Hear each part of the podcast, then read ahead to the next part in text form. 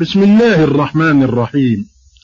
الحمد لله والصلاة والسلام على سيدنا رسول الله. أما هذه قراءات من صحيح الإمام الجليل البخاري مع شرحها. أيها السادة المستمعون السلام عليكم ورحمة الله وبركاته. روى الإمام البخاري في صحيحه بسنده عن النبي صلى الله عليه وسلم أنه قال الساعي على الأرملة والمسكين كالمجاهد في سبيل الله أو القائم الليل الصائم النهار. وروى في صحيحه بسنده عن سعد بن أبي وقاص رضي الله عنه قال كان النبي صلى الله عليه وسلم يعودني وأنا مريض بمكة. فقلت لي مال؟ أوصي بمالي كله. قال لا. قلت فالشطر؟ قال لا. قلت فالثلث؟ قال الثلث والثلث كثير. أن تدع ورثتك أغنياء؟ خير من أن تدعهم عالة يتكففون الناس في أيديهم ومهما أنفقت فهو لك صدقة. حتى اللقمة ترفعها في في امرأتك. ولعل الله يرفعك. ينتفع بك ناس ويضر بك آخرون أقول وبالله التوفيق. هذا هو الحديث الثالث. في الباب. قوله صلى الله عليه وسلم الساعي على الأرملة والمسكين. الساعي هو الذي يذهب ويجيء في تحصيل ما ينفع الأرملة الأرملة والمسكين. وكلمة الساعي تشعر بالجد والكد والتعب والاجتهاد في العمل. والأرملة بفتح الهمزة وسكون الراء وفتح الميم هي التي لا زوج لها سواء أكانت بكرا أم ثيبا. والمسكين هو من له مال لكنه لا يكفيه والفقير من لا مال له ولا بالعكس. قوله صلى الله عليه وسلم كالمجاهد في سبيل الله يعني في سبيل نصرة الدين وإقامة شريعة الله في الأرض أو القائم الليل الصائم النهار. هكذا لجميع رواة البخاري. لجميع من رواه عن الإمام مالك. لكن لأكثرهم مثل معن بن عيسى وابن وهب وابن بكير في آخرين بلفظ أو كالذي. يصوم النهار ويقوم الليل. وقد أخرجه ابن ماجه من رواية الدار وردي عن ثور بن يزيد بمثل هذا اللفظ لكنه قال بالواو لا بأو. وقد أخرجه البخاري في كتاب الأدب بلفظ وأحسبه قال كالقائم لا يفطر والصائم لا يفطر. شك القعنبي. والقائم كالقائم الليل يجوز في الليل الحركات الثلاث كما في قولهم الحسن الوجه. الجر على الإضافة والرفع على الفاعل والنصب على أنه ظرف وكذلك في كلمة النار يجوز فيها الحركات الثلاث. ومناسبة الحديث للترجمة من جهة إمكان اتصاف الأهل أي الأقارب بصفتين المذكورتين فإذا ثبت هذا الفضل لمن ينفق على من ليس له بقريب ممن اتصف بالفصين فالمنفق على المتصف بها من الأقارب أولى وأفضل. والله أعلم. الحديث الرابع حديث سعد بن أبي وقاص رضي الله عنه وسفيان في السنة هو الثوري قوله كان النبي صلى الله عليه وسلم يعودني وأنا مريض بمكة. وكان ذلك في حجة الوداع. فقلت يا رسول الله لي مال. التنوين هنا للتكثير قلت فالشطر أي النصف؟ يجوز فيه الرفع ويجوز فيه النصب أن تدع ورثتك أغنياء خير من أن تدعهم عالة يتكففون الناس. أي يمدون أيديهم إلى الناس للسؤال. ومهما أنفقت أي نفقة فهو لك صدقة. يحصل لك أجرها وثوابها قليلة كانت أم كثيرة. حتى اللقمة ترفعها في في امرأتك. اللقمة بالنصب ويجوز الرفع على أن حتى ابتدائية. في في امرأتك في مجرور بحرف الجر وهو مجرور بالياء نيابة عن الكسرة لأنه من الأسماء الخمسة. ولعل الله يرفعك الترجي في مثل هذا من النبي صلى الله عليه وسلم يفيد التحقق.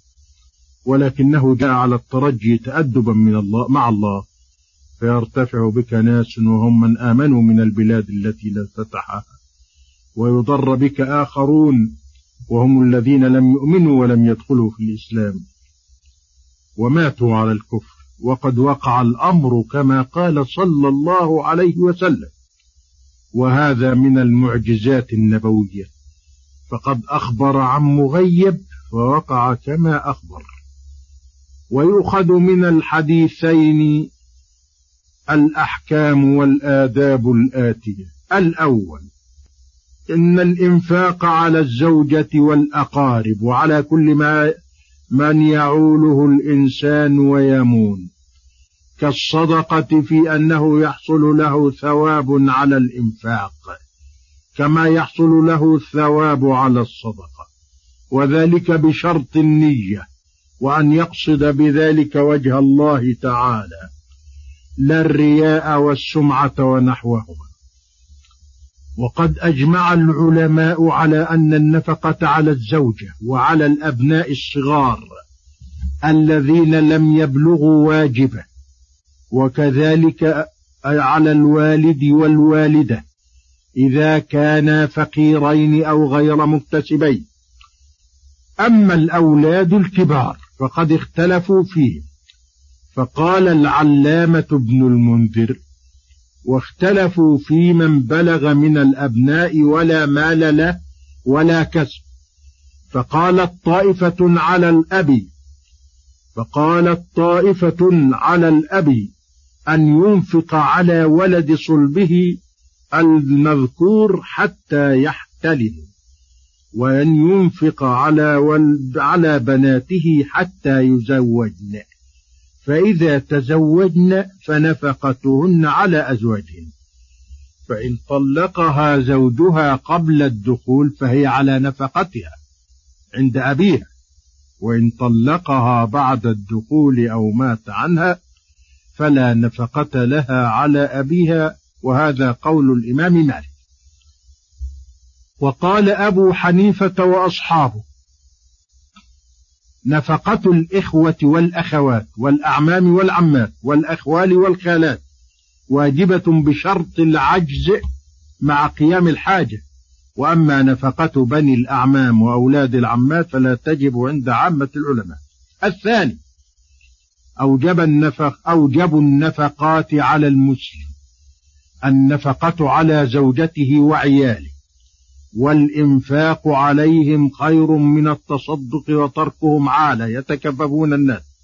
ومن فعل ذلك كان آثما.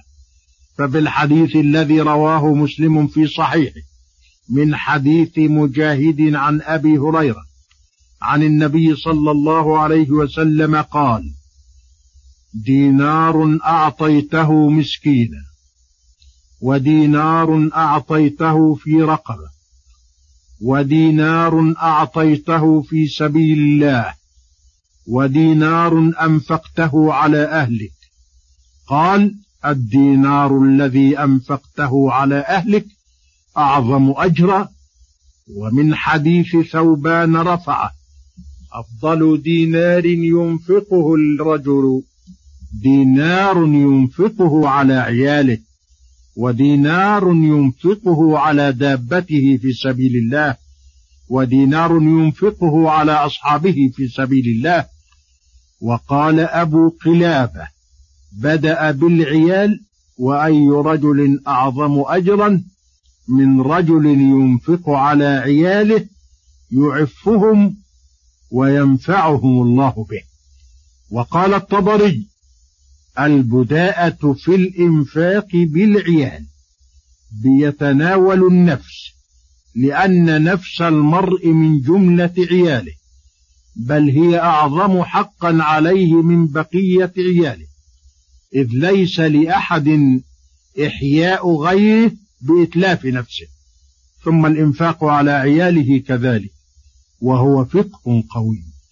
فليتعظ بهذا الذين يفترون الذين على أنف الذين يقترون على أنفسهم وعلى أولادهم. وصدق المبلغ عن رب العالمين في قوله وابدأ بمن تعول الثالث من أنفق وأعطى المال لذوي الحقوق أنفق الله عليه وهذا وعد كريم من رب كريم يستحيل عليه الخلف. وياتي في مقدمة الإنفاق الصدقة المفروضة والصدقات النافلة وكان المثل الكامل صلى الله عليه وسلم إذا جاءه رجل فلم يجد عنده شيئا يقول له اذهب فابتع عليه فإذا جاءنا شيء قضينا فقال الفاروق عمر ما كلفك الله ما لا تقدر عليه يا رسول الله. فكره رسول الله صلى الله عليه وسلم ذلك. فقال له رجل من الأنصار يا رسول الله أنفق ولا تخف من ذي العرش إقلالا. فتبسم وقال بهذا أمرت. رواه الترمذي في الشمائل. الرابع إن المسلم بقدر نفعه للناس والمسلمة بقدر نفعها وإنفاقه عليهم وإنفاقها بقدر ما يكون محبوبا من لله.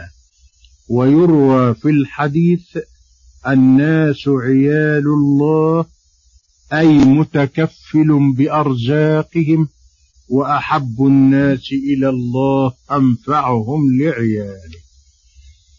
وإلى شرح القراءة التالية غدا إن شاء الله.